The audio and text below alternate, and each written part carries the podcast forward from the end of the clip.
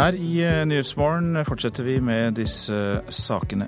Aborter i strid med loven, det hørte vi om i Dagsnytt nettopp. Professor Ola Didrik Saugstad ved Pediatrisk forskningsinstitutt kommenterer dette her i Nyhetsmorgen straks. Det irske republikanske partiet Sinn Fein seiler opp som det sterkeste partiet på begge sider av den irske grensen. Og flere norske skuespillere søker oppdrag i eh, utlandet og får utenlandske agenter. Levedyktige fostre med hjertefeil, klumpfot og misdannelser i ansiktet kan ha blitt abortert i strid med loven. Etter 22 uker er abort kun tillatt hvis barnet har så alvorlig avvik at det ikke kan leve opp. Men helseministeren eh, frykter at eh, loven ikke er fulgt. Ultralyd i uke 22. Hvis legen finner feil på barnet nå, sier loven at abort ikke er tillatt men informasjon fra medisinsk fødselsregister viser at fosteret kan ha blitt abortert med avvik de kunne ha levd med. Noen av de diagnosene som jeg ser, det er bl.a. Eh, hjertefeil og nyrefeil. Ryggmargsbrokk og misdannelser i ansiktet er også oppgitt som abortgrunn, og nå har helseminister Bent Høie bedt Helsedirektoratet granske syv senaborter gjort i 2012. Det antydes diagnoser der som, eh, som jeg mener er forenlig med liv, men så kan det være at det er en kombinasjon, at det ligger andre ting bak som ikke kommer fram i registeret. Det er derfor vi må få eh, direktoratet til å gå inn i dette. En ekspertgruppe som har granska senaborter i Norge, slo fast at det har vært betydelige ulikheter og uklarhet i hvordan abortloven forstås og praktiseres. Tidligere har NRK fortalt hvordan det i løpet av en tiårsperiode er blitt gjort 17 ulovlige senaborter på friske fostre. Det har ført til at grensen for abort skal bli presisert i en ny forskrift. Etter 21 uker og 6 dager i mors liv skal ikke fostre som er levedyktige aborteres. Men nå kan altså abortloven ha blitt brutt igjen. Jeg syns det er nødvendig for tilliten til helsevesenet at når det er oppstått et spørsmål, en usikkerhet, så bør slike ting granskes. Sier nyfødtmedisiner og professor Trond Markestad. Han har sett på diagnosene som er oppgitt i de syv abortsakene som skal granskes nå.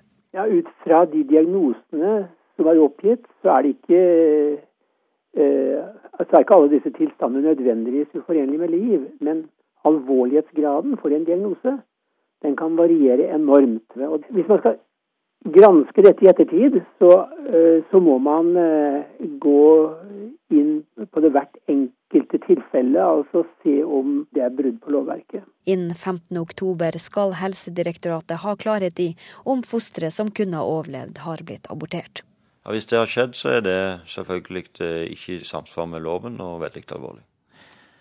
Og reporter her, det var Kristine Svendsen. Eh, professor i barnesykdommer ved Rikshospitalet og overlege i nyfødtmedisin Ola Didrik Saugstad, god morgen til deg. God morgen. Eh, hvordan ser du på at levedyktige foster kan ha blitt abortert da i strid med loven?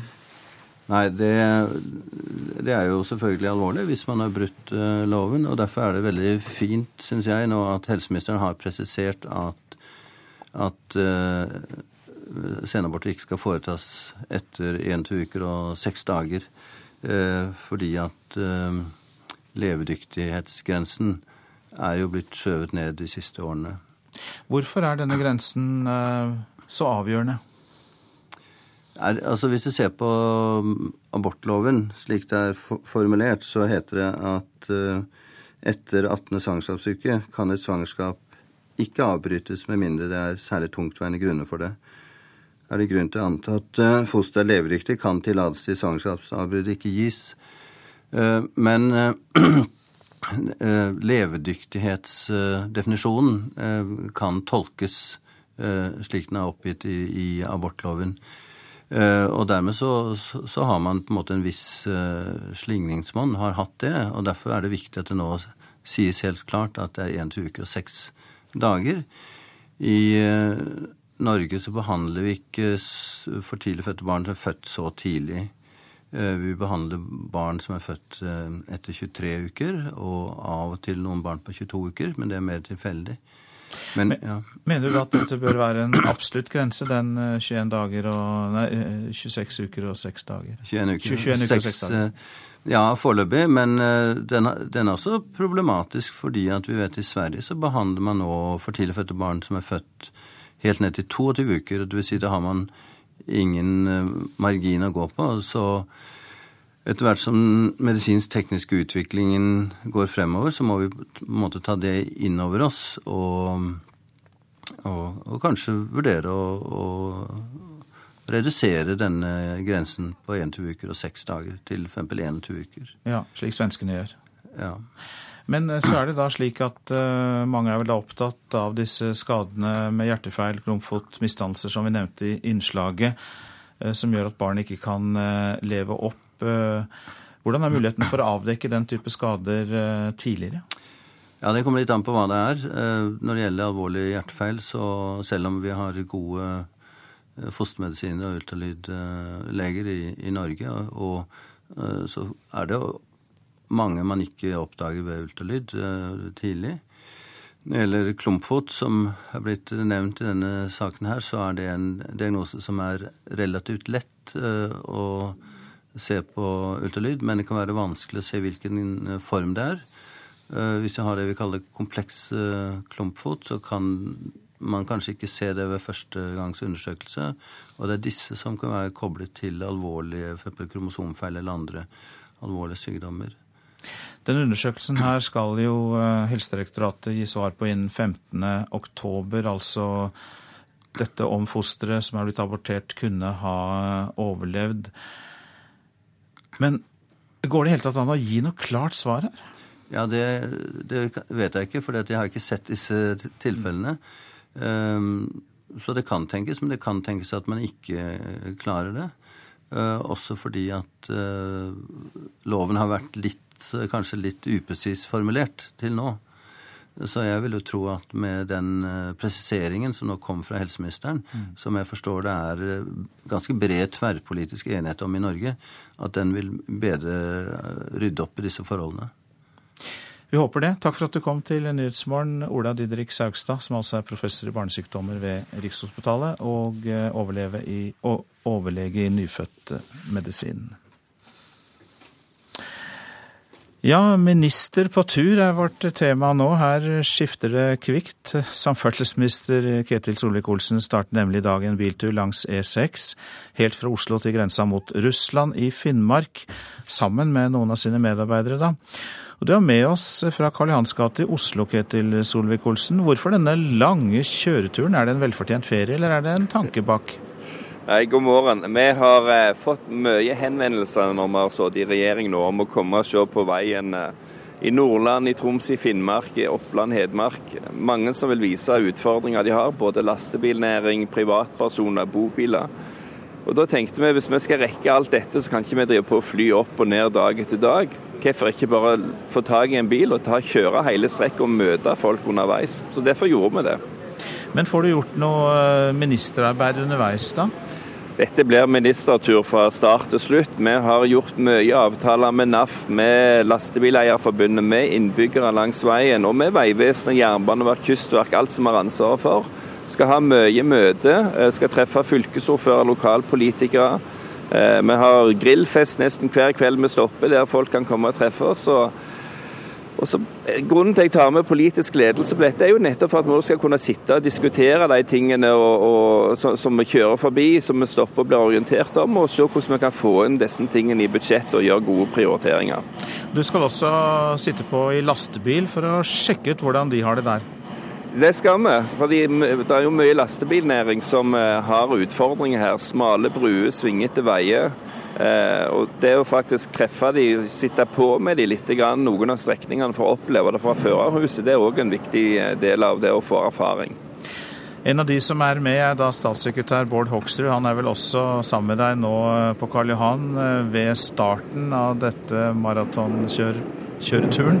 Eh, Hoksrud, eh, er du først og fremst med som kartleser, eller skal du kjøre litt du òg? Jeg får sikkert lov å kjøre litt, ja. Med alle de 2000 km, så regner jeg med det. Men det er jo en kjempeviktig tur, for det er jo å se hvordan man kan bygge mer vei og få mer vei for pengene våre, og mer effektivt. Og også hvordan vi kan få redusert noe på bompengene, som denne regjeringa og samferdselsministeren er veldig opptatt av. Så lurer vi på om du får kjørt noe i 110 km i timen på den turen? Nei, denne turen her så er det ikke noe 110 km, så da får vi vente til vi er tilbake i eh, Vestfold, Telemark eller Østfold. Har du tall på hvor mange bomstasjoner dere kommer til å plassere? For dere, det er jo hatobjekt nummer én for Frp? Nei, Jeg har ikke noe tall, men jeg får vel passe på å skrive og følge med oppover. Og så har vi jo lagt ned Alta, da, så vi fjerna 500 millioner for bilistene i Alta. Så jeg tror de i hvert fall er veldig godt fornøyd. Og det er også på E6-en. Jeg kan jo til slutt høre med statsråden eh, selv, eh, Ketil Solvik-Olsen. Eh, kan folk møte opp langs veien og heie dere fram? Ja, det, det, kan de hvis de vil, men det kan hende de blir stående lenge og vente. For er ikke, det er ikke lett å forutse hvilken tid vi reiser forbi. Men vi tar jo sikte på at ser folk oss på en bensinstasjon eller rasteplass langs veien, så må de bare komme bort og snakke. Vi kjører en hvit van, og det står E6 sommer på sida. Og Du kan òg følge oss på Twitter og Facebook. og Vi har lagt ut et kart på departementets hjemmeside der vi legger ut bilder og rapporter underveis. Dette er jo et stunt, det forstår vi jo alle sammen. Men helt til slutt, eh, Ketil Solvik-Olsen, hva vil du få ut av det? Nei, Det som er viktig, det er jo nettopp å treffe alle de som vanligvis tar kontakt med oss, som vil vi skal komme og se. Nå er vi, syns vi selv, veldig effektive med å få gjort mye på en gang. Og så er det òg, som du nevnte, det er mye forhatte bompengestasjoner der ute vi skal kjøre gjennom. Vi kommer jo til å telle hvor mye penger det koster, som de andre partiene har pålagt oss i, bompenger. Vi skulle jo gjerne blitt kvitt dem, men vi må jobbe hardt i Stortinget for å få flertall for å fjerne ting som de andre partiene ønsker. Så her er det både litt for å bli inspirert og litt for å lære. Takk til deg, samferdselsminister Ketil Solvik-Olsen og statssekretær Bård Hoksrud, som altså var med oss fra Karl Johan eh, når første etappe starter på denne turen opp mot grensa til Russland langs hele Norge. Dette er Nyhetsmorgen. Klokka den er om få sekunder 7.15. Dette er hovedsaker. Levedyktig foster med hjertefeil, klumpfot og misdannelse i ansiktet kan ha blitt abortert i strid med loven og helseministeren vil ha dette undersøkt. Det er uansvarlig å tillate mer laks i oppdrettsanleggene nå, sier oppdrettskonsernet Marine Harvest. Regjeringen foreslår å øke antall fisk i merdene. Israelske fly angrep i går kveld ni mål i Syria. Det var en gjengjeldelsesaksjon etter at en israelsk tenåring ble drept av en granat skutt fra syrisk side av Golanhøyden. Det irske republikanske partiet Sinn Fein seiler opp som det sterkeste partiet på begge sider av den irske grensen nå. Partiet som lenge har stått sterkt i det britiske Nord-Irland, er nå størst på flere målinger i republikken Irland. Og det kan få konsekvenser for eh, fremtiden. But our aim and our underline in everything that we do is for a 32 county socialist republic. Formålet med alt vi gjør er å få med alle 32 fylkene til én sosialistisk republikk, sier Rose Conway Walsh, lokalpolitiker for Sinn Fein i republikken Irland. Ved siden av seg har hun parlamentsmedlem Conor Murphy, som er folkevalgt for Nord-Irland, som jo tilhører et annet land, nemlig Storbritannia partition has failed in Ireland. The involvement of the British state in our affairs has failed the people of the island. Delingen av Irland har spilt fallitt, sier Murphy, og legger til at britenes engasjement i Nord-Irland også har gått galt, selv om den unionist-tro protestantiske delen av landsdelen vil mene motsatt. Partiet, som i tidligere tider ble omtalt som IRAs politiske fløy, er nå på full fremmarsj på begge sider av grensen. Ved lokalvalget i mai ble de det største partiet i Nord-Irland med 24% av stemmene, omtrent den oppslutningen de nå får på meningsmålingene på irsk side, hvor oppslutningen tidligere har vært langt lavere. Også ved EU-parlamentsvalget, som var samtidig, gjorde partiet det skarpt og nå håper begge representantene at debatten om skotsk løsrivelse fra Storbritannia også vil hjelpe dem å forene Irland igjen etter snart 100 år. I, I think that quite clearly people in Ireland are looking very closely at the uh, at the very least it, it should create a momentum where we can get access to some of the, the information we need to have a proper structured debate about what a united Ireland would look like. Folk i Nord-Irland følger nøye med, sier parlamentsmedlem Conor Murphy, og legger til at det kanskje vil gi dem en enda bedre idé om hvordan et forent Irland vil kunne bli. Holder partiet oppe populariteten i de kommende parlamentsvalgene i begge land, kan den debatten komme raskere enn mange tror. Til tross for langfredagsavtalen fra 1998 og en langvarig fredsprosess, føler mange seg tilsidesatt. Espen Aas, London. Og nå til deg, Anette Groth, mangeårig korrespondent på de britiske øyer du også, og Irland-kjenner. Og bør vi være overrasket over at Sinn Fein nå bare vokser og vokser?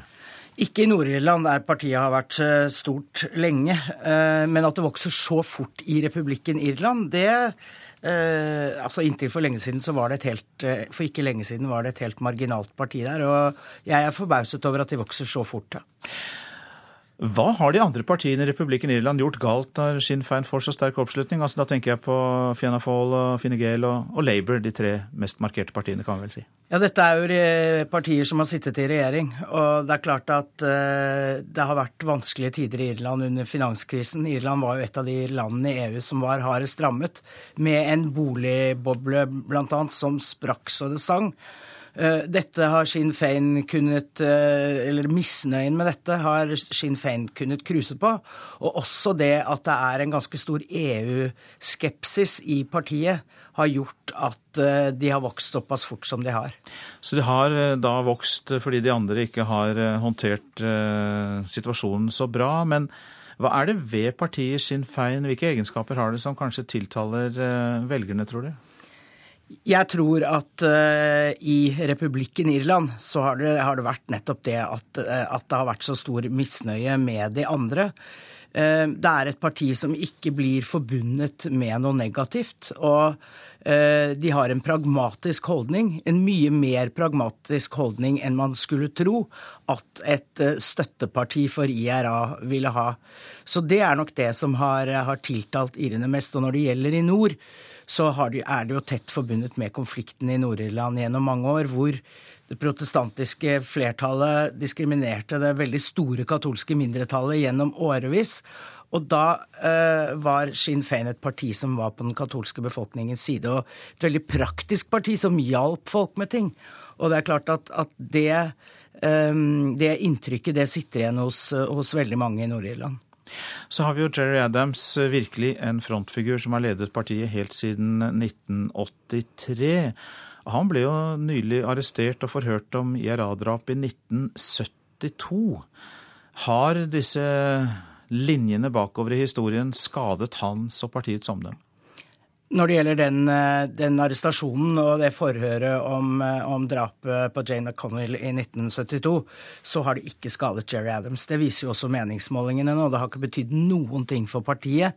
Dette blir eh, karakterisert også av en tidligere Nord-Irland-minister f.eks. som et stunt, og som noe som man burde ha lagt bak seg fordi konflikten i Nord-Irland er over. Når det gjelder Jerry Adams, så har han som du sier vært leder av partiet i 1983. Det var han som da han satt i fengsel for IRA-virksomhet på 70- og 80-tallet, meislet ut denne politiske linjen.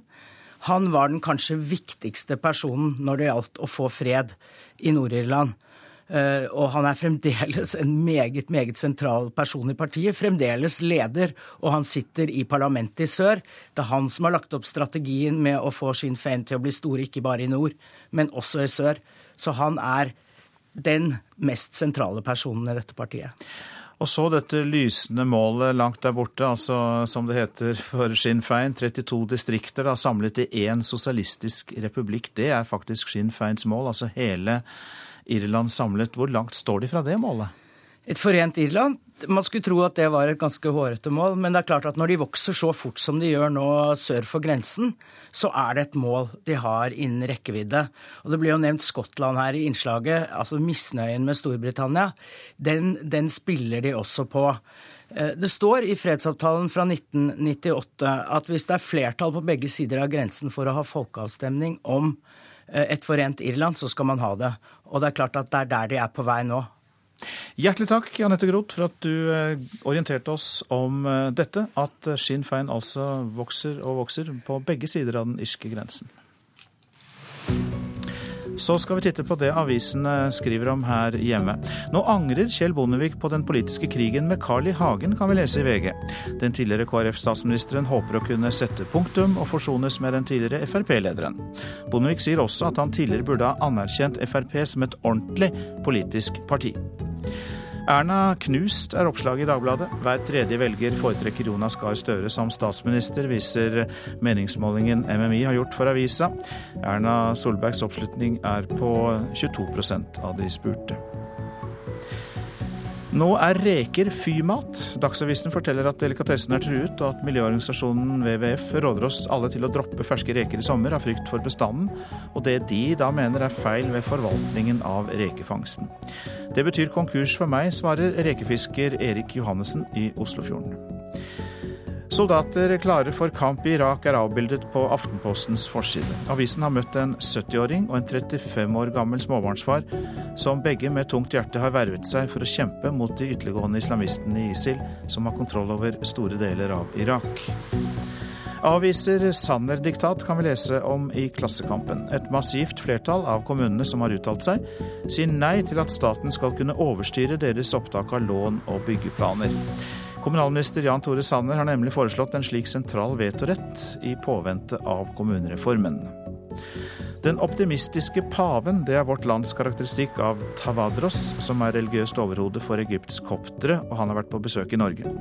Tavadros sier han kjenner glede og håp for landet etter tre vanskelige år, mens Midtøsten-kjenner Berit Torbjørnsrud sier til avisa at det er en forskjønnelse av virkeligheten, men hun forstår at lederen for den koptiske kirken i Egypt har behov for å være optimistisk. Slik satte de Voss på verdenskartet. Bergens Tidende portretterer gründerne bak Ekstremsport-Veko på Voss, som har økt omsetning fra spede 70 000 kroner til mer enn 11 millioner nå. Folk trekkes dit folk og penger fra hele verden.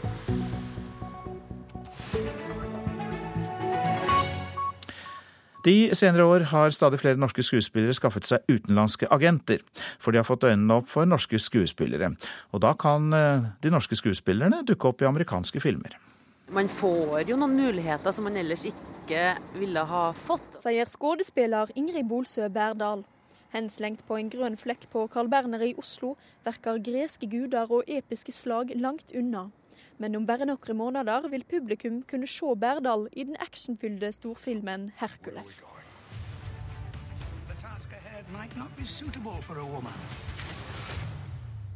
En film hun kanskje ikke hadde fått mulighet til å være med i om det ikke hadde vært for utenlandsk agent. Det er jo et sånt prosjekt som jeg fikk gjennom uh, utenlandsk agent. Da. Og som òg tror jeg kom i stand nå fordi at jeg hadde vært i mye av de type møter før og visst på en måte hvordan jeg måtte tenke for å bare klare å smette igjennom. Og hun er ikke alene om å orientere seg ut. For stadig flere norske skuespillere skaffer seg utenlandsk agent. Av Norsk Skuespillerforbund sine medlemmer har hele 29 norske skuespillere utenlandsk agent. Eh, det er eh, nok helt essensielt hvis du skal eh, ha noen sjanse til å på en måte få skuespillerjobber utenfor i Norge. Sier Hauk Heierdal i Norsk Skuespillerforbund, som har fulgt med på tendensen. Fokuset på norsk film, eller skandinavisk film får man si, det drypper jo over på skuespillerne også. Det gjør at interessen for skuespillerne øker. Og at Norge ses på som et nytt marked for uh, å hente inn skuespillere.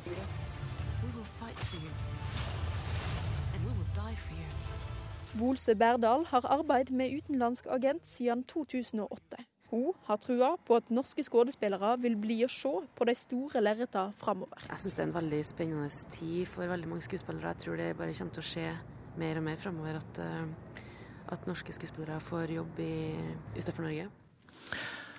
Og reporter her, det var Guro Kvalnes. Ja, det, du må være over 70 år for å ha opplevd like bra forsommer på Østlandet. Det viser nemlig data fra Meteorologisk institutt. Kun én gang tidligere er det målt like mange dager med maksimumstemperaturer over 20 grader. Å, det er herlig når det er så fint vær. Jeg som er fra Nord-Norge, jeg er ikke vant til det her. Det er veldig deilig. Jeg kan uh, trene og være ute i sola og slappe av. Det er jo fantastisk deilig. da. Vi må jo bare nyte sommerdagene så lenge de varer. Hele 34 såkalte nordiske sommerdager med makstemperatur på mer enn 20 grader har det vært i Oslo i april, mai og juni. Bare i 1992 ble det registrert like mange varme dager så tidlig på sommeren. Som vestlending så setter jeg iallfall pris på det. Det er derfor jeg flytta til Østlandet, for å få litt sol. Men også på Vestlandet og i Trøndelag har det vært en bra forsommer. I Trondheim er det nummer tre, og i Bergen den fjerde beste som er målt. Mens Nord-Norge har ligget mer på gjennomsnittet. Forklaringen er enkel, sier værforsker Jostein Mamen ved Meteorologisk institutt. Vi har ligget gunstig til med tanke på hvordan høytrykk og lavtrykk har eh, beveget seg. Og eh, det har vært høytrykk eh, ganske nære Sør-Norge i perioder, og dermed så har vi hatt mye fint vær. Det har skjedd tidligere at en fin forsommer har blitt fulgt av dårligere vær resten av sommeren. Og mange frykter at det skal skje igjen. Det er jo sånn det bruker å være. Våren er fin, og så blir det kaldt utover sommeren. Men ifølge værforskeren er det ikke noe belegg for å si at vi kan ha brukt opp godværet for i år. Det er tilfeldig hvordan været blir, og vi kan godt få en god sommer resten av sommeren 2014. Og det kan godt uh, hende at det blir dårlig. Det gjenstår å se. Vi må håpe på det beste. Reporter her, det var Tom Ingebrigtsen.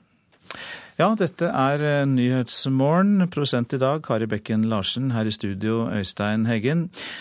Og så legger vi til at uh, Drageta-mafiaen i Sør-Italia styrer nesten 80% av all kokainhandel i Europa. Og mye av det som skjer i området der de har kontroll. Men vi skal møte en mann som kjemper eh, mot mafiaen i reportasjen etter Dagsnytt. Og norsk politikk eh, tar over sånn omtrent kvart på åtte. Da er Senterpartiets leder Trygve Slagsvold Vedum vår eh, sommergjest.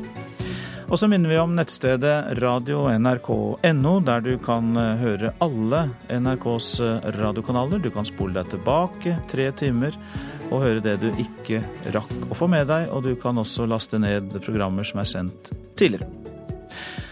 Da er vi straks eh, klare for Dagsnytt. Vi, det er Anders Borgen Werring som sitter klar med den nå straks.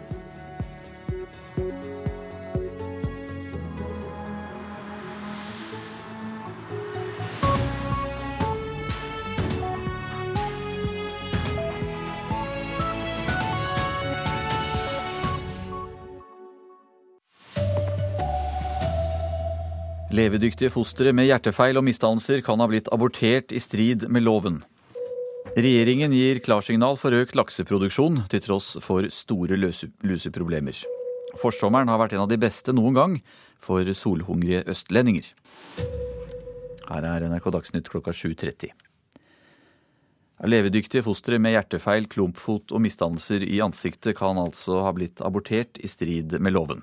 Etter 22 eh, uker er abort bare tillatt hvis barnet har så alvorlige avvik at det ikke kan leve opp. Men helseministeren frykter at loven ikke blir fulgt. Ultralyd i uke 22. Hvis legen finner feil på barnet nå, sier loven at abort ikke er tillatt men informasjon fra medisinsk fødselsregister viser at fosteret kan ha blitt abortert med avvik de kunne ha levd med. Noen av de diagnosene som jeg ser, det er bl.a. Eh, hjertefeil og nyrefeil. Ryggmargsbrokk og misdannelser i ansiktet er også oppgitt som abortgrunn, og nå har helseminister Bent Høie bedt Helsedirektoratet granske syv senaborter gjort i 2012. Det antydes diagnoser der som, eh, som jeg mener er forenlig med liv, men så kan det være at det er en kombinasjon, at det ligger andre ting bak som ikke kommer fram i registeret. Det er derfor vi må få eh, direktoratet til å gå inn i dette. Jeg syns det er nødvendig for tilliten til helsevesenet at eh, når det er oppstått et spørsmål, en usikkerhet, så bør slike ting granskes. Sier nyfødtmedisiner og professor Trond Markestad. Alvorlighetsgraden for en diagnose den kan variere enormt. Og hvis man skal granske dette i ettertid, så, eh, så må man gå inn på det hvert enkelte tilfelle, altså se om det er brudd på lovverket. Innen 15.10 skal Helsedirektoratet ha klarhet i om fosteret som kunne ha overlevd, har blitt abortert. Ja, hvis det har skjedd, så er det selvfølgelig eh, ikke i samsvar med loven og veldig alvorlig. Reporter her, det var Kristine Svendsen.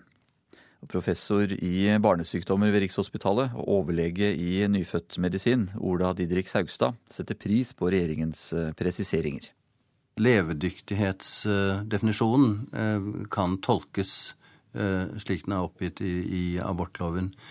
Eh, og dermed så, så, har man på en måte en viss slingringsmonn, har hatt det. Og derfor er det viktig at det nå sies helt klart at det er én uke og seks dager.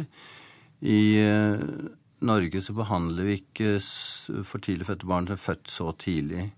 Vi behandler barn som er født etter 23 uker, og av og til noen barn på 22 uker, men det er mer tilfeldig. Regjeringen åpner for at alle oppdrettsanlegg kan øke produksjonen med 5% Fiskeriminister Elisabeth Aspaker erkjenner at lakselusa er et problem, men hun sier alle som skal øke produksjonen vil få strengere miljøkrav.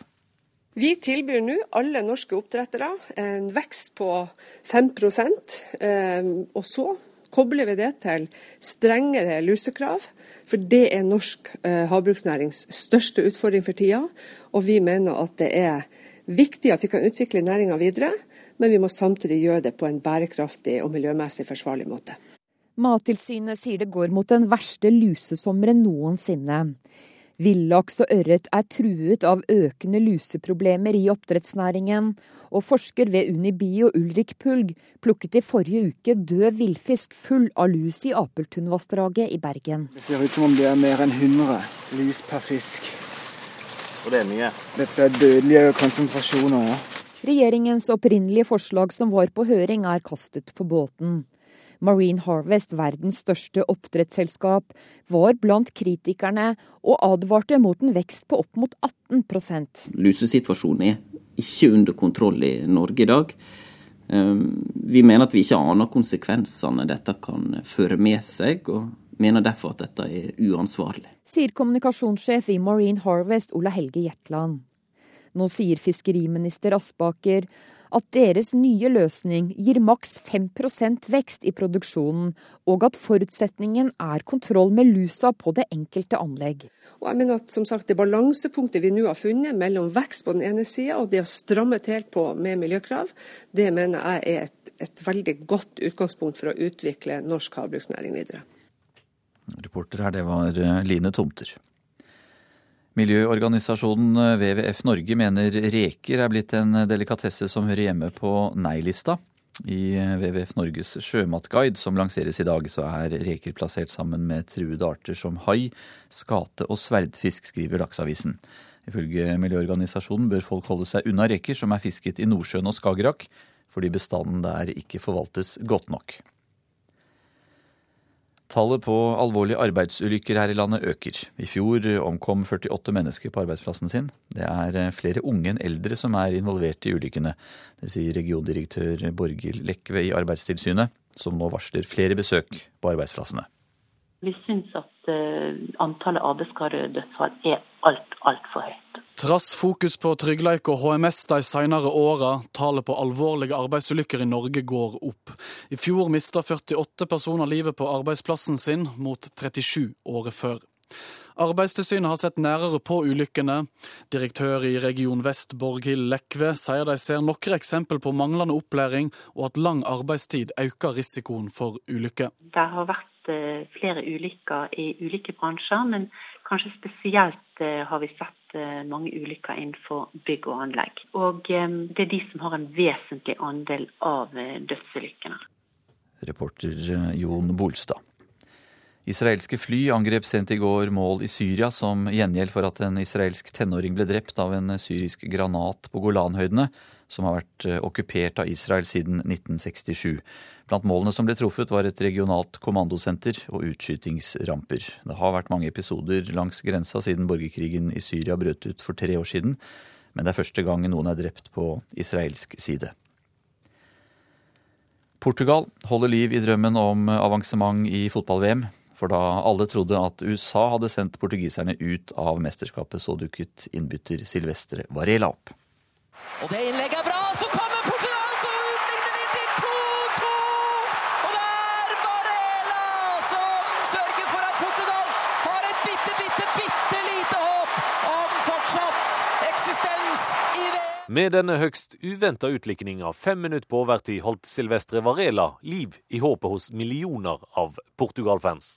USA var bare sekunder unna åttedelsfinale i VM, og trodde knapt det de så da portugiserne berga uavgjort.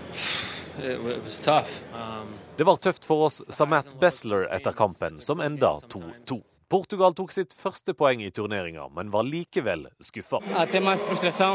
Jeg er mer skuffa enn håpefull. Vi måtte vinne denne. Nå er sjansen minimal for avansement, sa ettmålsskårer Nani etter kampen. For skal portugiserne ta seg til åttedelsfinale, må de vinne stort mot Ghana, og Tyskland må ta tre poeng mot USA i gruppefinalen. Det var Hans Henrik Løken som var reporter her. Østlandet har hatt en av de beste forsomrene noen gang. Det viser tall fra Meteorologisk institutt. Bare én gang tidligere så er det registrert like mange varme dager så tidlig på sommeren.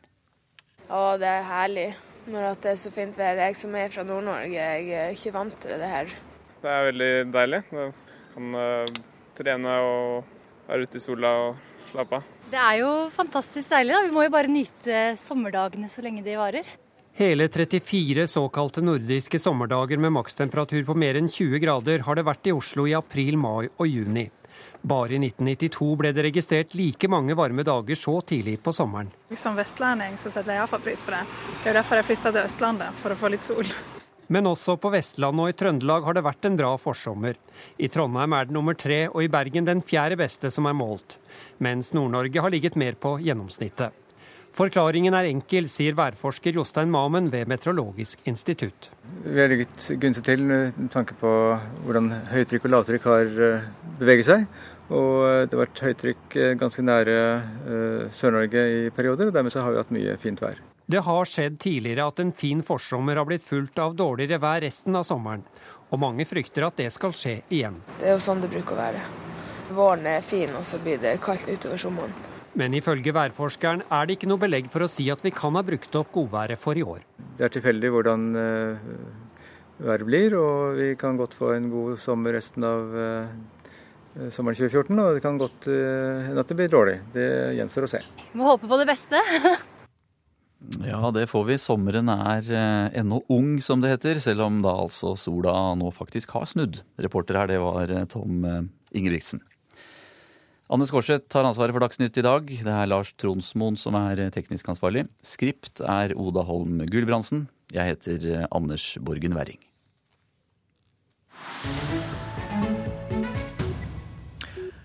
Og du lytter til eh, Nyhetsmorgen. Fra Sør-Italia styrer Drangheta-mafiaen nesten 80% av all kokainhandel i Europa, og omsetter for nesten 500 milliarder kroner årlig. Utpressing og trusler er dagligdags. Men så er det olivenbonden Giuseppe Spinoli. Han er en av de som har tatt opp kampen mot Europas største kriminelle organisasjon. Vår reporter Christian Aanensen har møtt ham og laget denne reportasjen.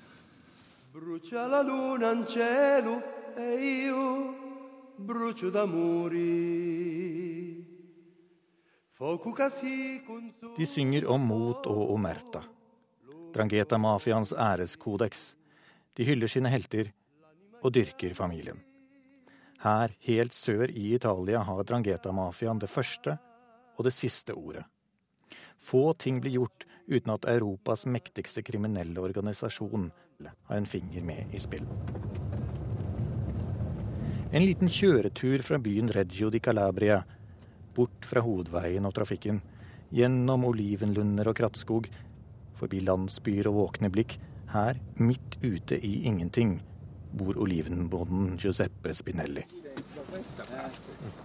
Hallo. Hallo. Han spiller ikke på laget. Han følger ikke reglene, og han har fått beskjed. Hvert eneste år siden 2006 har han fått beskjed. Totalt har Drangheta-mafiaen brent ned 200 trær og skadet 800 av hans totalt 1400 oliventrær. Trær som bruker mellom 50 og 200 år på å reparere seg selv.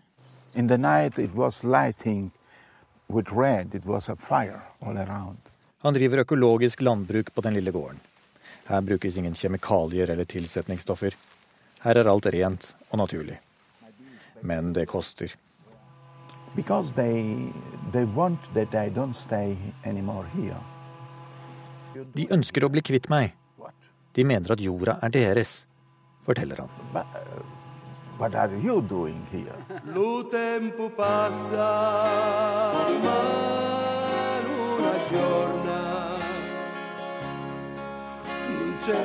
Drangheta-mafiaen har vokst seg stor og mektig på folks frykt og sin egen hensynsløshet. De styrer 80% av all kokaininnførsel til Europa og jobber tett med narkotikakartellene i Colombia og Mexico. De er nå den største kriminelle organisasjonen i Europa, og de styres fra de små landsbyene helt sør i Italia.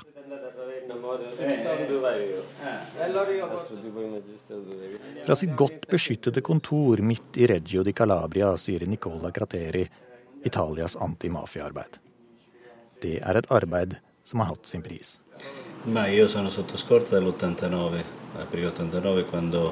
Jeg har hatt politibeskyttelse siden 1989, og jeg bor 8 kilometer fra havet, men bader aldri. Og det er over 20 år siden jeg har vært på kino eller en restaurant, så mitt liv har helt klare begrensninger, sier mannen som lenge har stått øverst på mafiaens dødsliste. Men for første gang på lang tid øyner nå myndighetene et lite håp.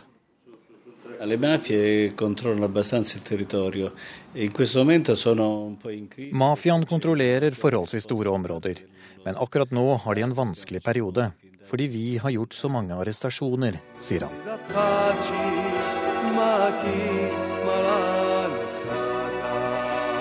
Og mens de fortsetter å synge om Omerta og mot i sangen, så fortsetter Giuseppe å kjempe mot mafiaen på sin måte. Han kommer ikke til å gi seg. Han er sta og har mer å bevise. Yeah.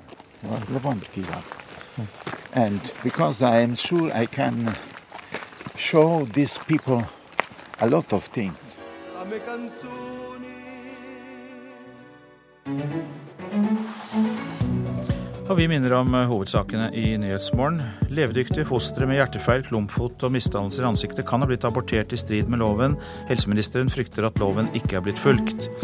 Det er uansvarlig å tillate mer laks i oppdrettsanleggene nå, sier oppdrettskonsernet Marine Harvest. Regjeringen foreslår å øke antall fisk i merdene.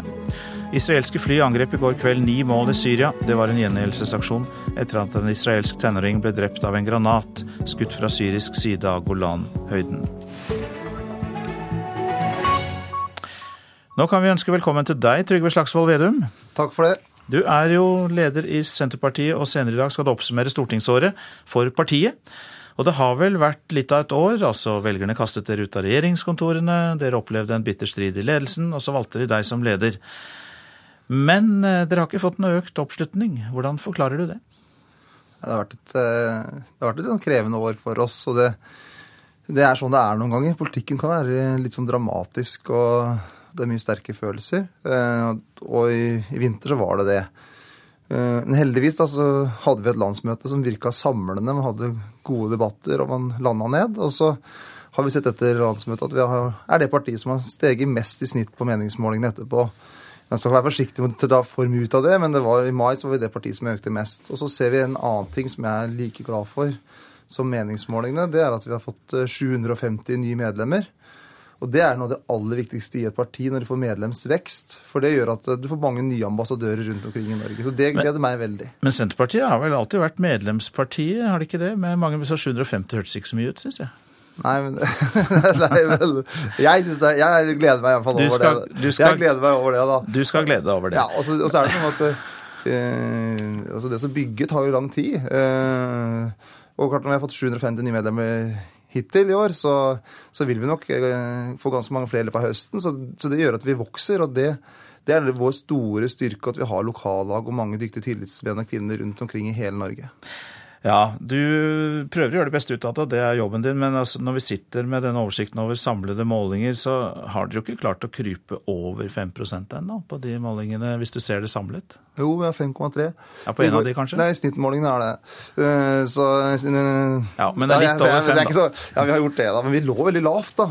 Uh, har gjort, og, og vi så jo og jeg, men jeg mener det å bygge tillit tar tid. Eh, for det, skal du få stemmer, så må du få troverdighet og tillit. og så så vi forrige måned at vi var det partiet som gikk mest fram, og så ser vi at vi går fram nå. Men altså, man skal være forsiktig med det, for dette er et langsiktig arbeid. og Derfor har jeg helt fra jeg ble valgt, så at det aller viktigste vi gjør, det er å bygge laget bredere med mange lokale tillitsmenn og -kvinner. Og så syns programlederen at 750 er lite, men jeg gleder meg over det. Okay. Jeg tror det er ingen andre partier som slår det. Men så, men så er det jo det som er viktigst nå, er jo at vi har en veldig viktig oppgave i norsk politikk.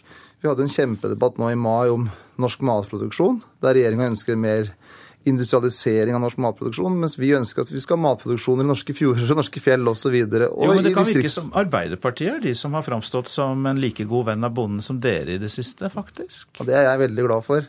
At uh, Arbeiderpartiet har blitt med på det laget. Og det tror jeg er et av resultatene av uh, regjeringssamarbeidet som vi hadde med Arbeiderpartiet. At de ser hvor viktig det er å ha en norsk matproduksjon, og at det er ca. 100 000 mennesker som jobber i uh, næringsmiddelindustrien og i landbruket. Så det, det at Arbeiderpartiet har blitt en uh, tydeligere røst i det, er kjempeviktig. For dette, vi, partiene vi er jo virkemidler. Målet er jo å ta hele landet i bruk. Og at Arbeiderpartiet begynner å herme litt etter oss på noen saker, det er jeg kjempeglad for. Men det er noen som ikke er så tydelige. Det er dine to nestledere, Ola Borten Moe og Anne Beate Tvinnerheim. Uh, hva gjør du for å løfte fram dem? Altså, det er en litt sånn krevende rolle det å være nestleder ikke ha, stortingsplass. Men de to er jo eh, to svært dyktige politikere. Borten Moe med sin eh, statsrådserfaring og Anne Beate Tvinnereim både som statssekretær og hennes spesielt sterke utenrikspolitiske engasjement. Og det som er vårt mål, er at vi skal reise mye rundt i hele landet. Eh, møte folk lokalt og diskutere politikk og finne løsninger sammen. Så det som er hele tankegangen til oss tre i ledelsen, er å bygge et mye bredere lag. og Derfor så kommer vi til å bruke masse tid ikke bare i et NRK-studio, men veldig mye rundt på lokale grendehus, lokale møter, for å diskutere politikk og bygge et lag. Er det noe som ikke er helt uh, harmonisk? Du stemte nemlig mot tiggerforbud på Senterpartiets landsmøte og tapte, og nå sikrer dere flertall for forbudet. Hvordan føler du deg da, når du egentlig er imot det? Nei, men Det er det man kaller demokrati, er det ikke det? Jeg, har jo veldig tro på partidemokratiet. Eh, og så syns jeg det er bra i et parti som Senterpartiet at noen ganger så kan ledelsen bli overkjørt også. For er det reelle demokratier, så er det sånn at på landsmøtet vårt så, så gikk man inn for et uh, nasjonalt uh, tiggeforbud, og at man skulle sette i verk også sterke sosiale tiltak for de gruppene som da blir berørt av det. Jeg mente at det var feil, men landsmøtet mente noe annet, og det er sånn et parti skal fungere. Ok, du blir med oss. Vi skal nemlig eh, orientere om en annen sak også. For regjeringen åpner for at alle oppdrettsanlegg kan øke produksjonen med 5% Vi hørte også om dette i Dagsnytt. Fiskeriminister Elisabeth Aspaker erkjenner at lakselusa er et problem, men hun sier at alle som eh, skal øke produksjonen, da, får strengere miljøkrav. Vi tilbyr nå alle norske oppdrettere en vekst på 5 eh, og så kobler vi det til strengere lusekrav, for det er norsk eh, havbruksnærings største utfordring for tida. Og vi mener at det er viktig at vi kan utvikle næringa videre, men vi må samtidig gjøre det på en bærekraftig og miljømessig forsvarlig måte. Men selve de kravene gjør jo ikke noe med det som er det reelle problemet, at lusen blomstrer opp? Jo, eh, dette betyr at vi, eh, at vi skal utvikle næringa i en mer miljømessig riktig retning. Mattilsynet sier det går mot den verste lusesommeren noensinne. Villaks og ørret er truet av økende luseproblemer i oppdrettsnæringen, og forsker ved Unibio Ulrik Pulg plukket i forrige uke død villfisk full av lus i Apeltunvassdraget i Bergen. Det ser ut som om det er mer enn 100 lus per fisk. Og det er mye? Dette er dødelige konsentrasjoner, ja. Også i Numedalslågen slår sportsfisker Magnus Riksfjord alarm. Ja, Det er det verste jeg har sett. Når det åpnes sår på fisken. Det har jeg aldri sett før i Lågen. Regjeringens opprinnelige forslag som var på høring, er kastet på båten. Marine Harvest, verdens største oppdrettsselskap, var blant kritikerne og advarte mot en vekst på opp mot 18 ja, Vi er bekymra for eh, lusesituasjonen vi ser i Norge nå. Sier kommunikasjonssjef i Marine Harvest, Ola Helge Jetland. Forslaget innebærer en økning på opp mot 20% av produksjonen. Lusesituasjonen er ikke under kontroll i Norge i dag. Ehm, vi mener at vi ikke aner konsekvensene dette kan føre med seg, og mener derfor at dette er uansvarlig. Nå sier fiskeriminister Aspaker at deres nye løsning gir maks 5% vekst i produksjonen, og at forutsetningen er kontroll med lusa på det enkelte anlegg. Eh, for Vi stiller altså strengere krav eh, gjennom de nye vekstimpulsene vi ønsker å gi. Og jeg tror det er ganske viktig at vi eh, greier å ha to tanker i hodet samtidig. Og jeg er overbevist om at dette er en næring som skal skaffe mer mat til både nordmenn og resten av verden. Men samtidig skal vi greie også med disse nye og strengere lusekravene å utvikle næringa på en miljømessig forsvarlig måte. Men når man ser på de siste lusetallene, hvorfor innfører dere ikke strengere miljøkrav for absolutt alle? Nei, Vi mener at denne kombinasjonen av pisk og gulrot er det som skal få næringa til å ta sats, og at vi virkelig skal få ei mye grønnere norsk eh, havbruksnæring. Så de kravene vi har stilt, mener vi er eh, fullt mulig å nå.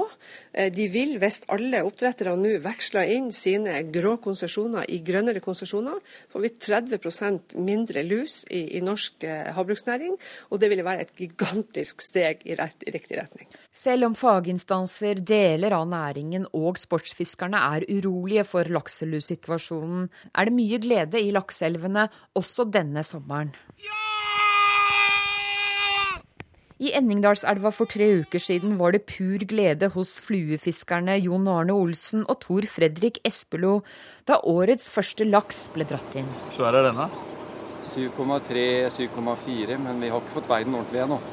Men eh, for, det var, å, det er moro! Å, herregud! Tre kast! Tre kast! Det var en rapport fra elva der eh, den sju kilo tunge laksen ble dratt inn. Reporter var Line Tomter. Trygve Slagsvold Vedum, du er fortsatt eh, med oss. Eh, ja, aller først, kan du leve deg inn i den følelsen å trekke i land en svær laks? Ja, jeg kan faktisk det. Men jeg har vært ørret som har vært min, min greie, og det er helt fantastisk. Så til saken, for å si det sånn. Oppdrettsveksten som regjeringen går inn for. Nå er jo denne saken kommet akkurat nå de siste minuttene, så du har jo ikke satt deg inn i detaljene i den. Men det du hørte her nå, hvordan stiller du deg til regjeringens forslag? Nei, altså, Det som vi må være veldig bevisst på i diskusjonen om den, eh, lakseoppdrett, er det er en fantastisk næring som gir kjempestore muligheter etter hele kysten. Så har vi sett eh, spesielt i deler av Sør-Norge at det har vært veldig mye lakselus. Eh, så vi må tørre å være litt konservative òg, eh, for å ta vare på den evige ressursen som villaks er. Så Derfor så må vi gå inn i det på et skikkelig vis og se hva er det som ligger der. Og så må vi tørre å tenke på den evigvarende ressursen som også villaksen er. Og der er det Det kan være en sterk motstrid mellom ønsket om å øke verdiskapningen ytterligere innenfor lakseoppdrett, samtidig som vi skal tenke på at det skal være en villaksstamme også om 50-60 år. Den økningen i kapasiteten innebærer også økt vederlag til kommunene på 750 000 kroner for hvert nytt anlegg de tillater produksjonsvekst i. Det må jo være et ganske positivt bidrag til mange småkommuner? Det kan det selvfølgelig være. Altså, vi må gå inn i det her. Men så er det, vi må alltid i den type forvaltningsspørsmål tenke på hva er det som lønner seg både på kort og på lang sikt. og derfor så selv om det helt sikkert er mange positive elementer i det forslaget fra regjeringa, så må vi nå sånn gå inn og se tør de å ta nok hensyn til generasjonsperspektivet til villaksen. Du har jo mange roller hos oss i dag, Trygve Slagsvold Vedum. Du er også første gjest i sommerserien med både lette og vanskelige spørsmål. Sommerspørsmål, kan vi vel kalle dem. Ja, hyggelig. et av dem er jo veldig lett. da, Det første, hva skal du gjøre i sommerferien? Nei, da, da, skal jeg bade mye, tror jeg. For jeg er småbarnsfar, så bading står veldig høyt på, på dagsordenen. Så jeg håper det blir veldig mye bading og fint vær. Og så har jeg tenkt å ta den sånne mobilfrie dager. Det tror jeg blir krevende, men jeg, jeg, tror det er litt sunt å, å ha litt sånn roen, litt stillheten, eh, rommet for ettertanke, kombinert med småbarnsliv. Det høres bra ut. Vi har også hørt at uh, somre etter stortingsvalg er de beste somrene for uh, politikere? Ja, det er det. For det, det er tre år til neste gang. Jeg syns det er litt synd at det er tre år til neste stortingsvalg, men, men i sånn sommerferieperspektiv så er det veldig bra. For at det er mindre press, og man har rom til å, å roe litt ned. Jeg tror det er veldig viktig, ikke minst i sånn politikerjobb, å ta ting litt med ro. For at i det eh, hverdagsjaget så kan liksom perspektivene bli litt små. Så jeg håper at eh, sommeren gjør at den har tid til refleksjon. Eh, samtidig som det, i et småbarnsliv så er det ganske aktivt og hektisk, men det er jo det er mye livsglede i det. Hvor små er de? Det er ei på tre og ei på sju. Det var, det var et treårsdag i går, så det var meget aktivt. Livlig. Ja. Et ja- og nei-spørsmål, se om du klarer det å svare bare ja og nei. da. Tjener Erna Solberg for lite? Uh, ja, nå har Nei! Vi tjener akkurat passe. For jeg stemte for lønna hennes uh, på torsdag, så jeg mener at det var helt korrekt det vi stemte for. 1,5 millioner. Men uh, hvem bør tjene mer enn statsministeren i Norge, da? Nei, det, altså jeg mener at eh, statsministeren skal ha godt betalt, for det er en meget krevende jobb, selv om jeg er uenig med Erna Solberg. Så skal ikke jeg sette meg til dommer om hvem som bør tjene mer. Men 1,5 millioner eh, som Erna Solberg får, det, det, er helt sikkert godt for, det er fortjent, selv om jeg er uenig i hennes politiske løsninger. Et annet aktuelt spørsmål. Kunne du ha sendt eh, disse barna dine, det er litt tidlig ennå, da, men kunne du sendt disse barna på privatskole? Altså, For meg er ikke det aktuelt, for jeg er veldig opptatt av å gå i den, støtte opp den nærskolen jeg, jeg har. Eh, og er veldig glad for at det er en god og trygg nærskole. Så det er, det er mitt personlige valg. Så får vi kanskje tid til et spørsmål til før jeg må ta værvarselet. Hvis du fikk all makt i Norge for en dag, hvilken ting vil du endre permanent? Hvis jeg fikk all makt, så ville jeg i en sommerperspektiv sagt at hvis jeg kunne påvirke folks raushet Det er et sommerintervju. At jeg tror det beste i et samfunn er hvis vi er litt rausere med hverandre. Og, og den småligheten er en sånn kamp hele tida som vi må kjempe. Så i en sommerperspektiv så hvis jeg kunne oppfordre alle over radioen, prøv å være litt mer raus i dag, for da blir livet litt bedre. Ja, Det var så godt sagt at det må være siste svar. Takk skal du ha, Trygve Slagsvold Vedum, leder i uh, Senterpartiet. Så skal jeg ta en runde med værvarsel fram til midnatt. Fjell i Sør-Norge, enkelte regnbyger, snø over 1400 meter. Østlandet og Telemark, lokale regnbyger, utrygt for torden, perioder med sol. Agder, liten kuling på kysten vest for Lindesnes. Fra i ettermiddag stiv kuling, pent vær, seinere regnbyger, særlig da i øst. Vestlandet sør for Stad. Fra i ettermiddag liten kuling, stiv kuling sør for Obrestad. Til dels pent vær. Fra i ettermiddag regnbyger i indre strøk. Møre og Romsdal og Trøndelag regnbyger. Fra ettermiddag avtagende byggeaktivitet. Helgeland, Saltfjellet, Salten og Ofoten. I indre strøk enkelte ettermiddagsbyger, ellers til dels pent vær. Lofoten og Vesterålen nordøstlig liten kuling. Opphold og perioder med sol. Troms opphold og perioder med sol. Fra ettermiddag liten kuling på kysten i sør. Finnmark skyter delvis skyet, utrygt for regnbyger. Nordensjøland på Spitsbergen stort sett pent vær. Så tar vi med oss temperaturene, da. Disse ble målt klokka fem i natt. Svalbard lufthavn fire, Kirkenes seks. Varde har vi ikke fått inn, men Alta har vi. Der var det sju grader. Tromsø-Langnes seks, Bodø ni.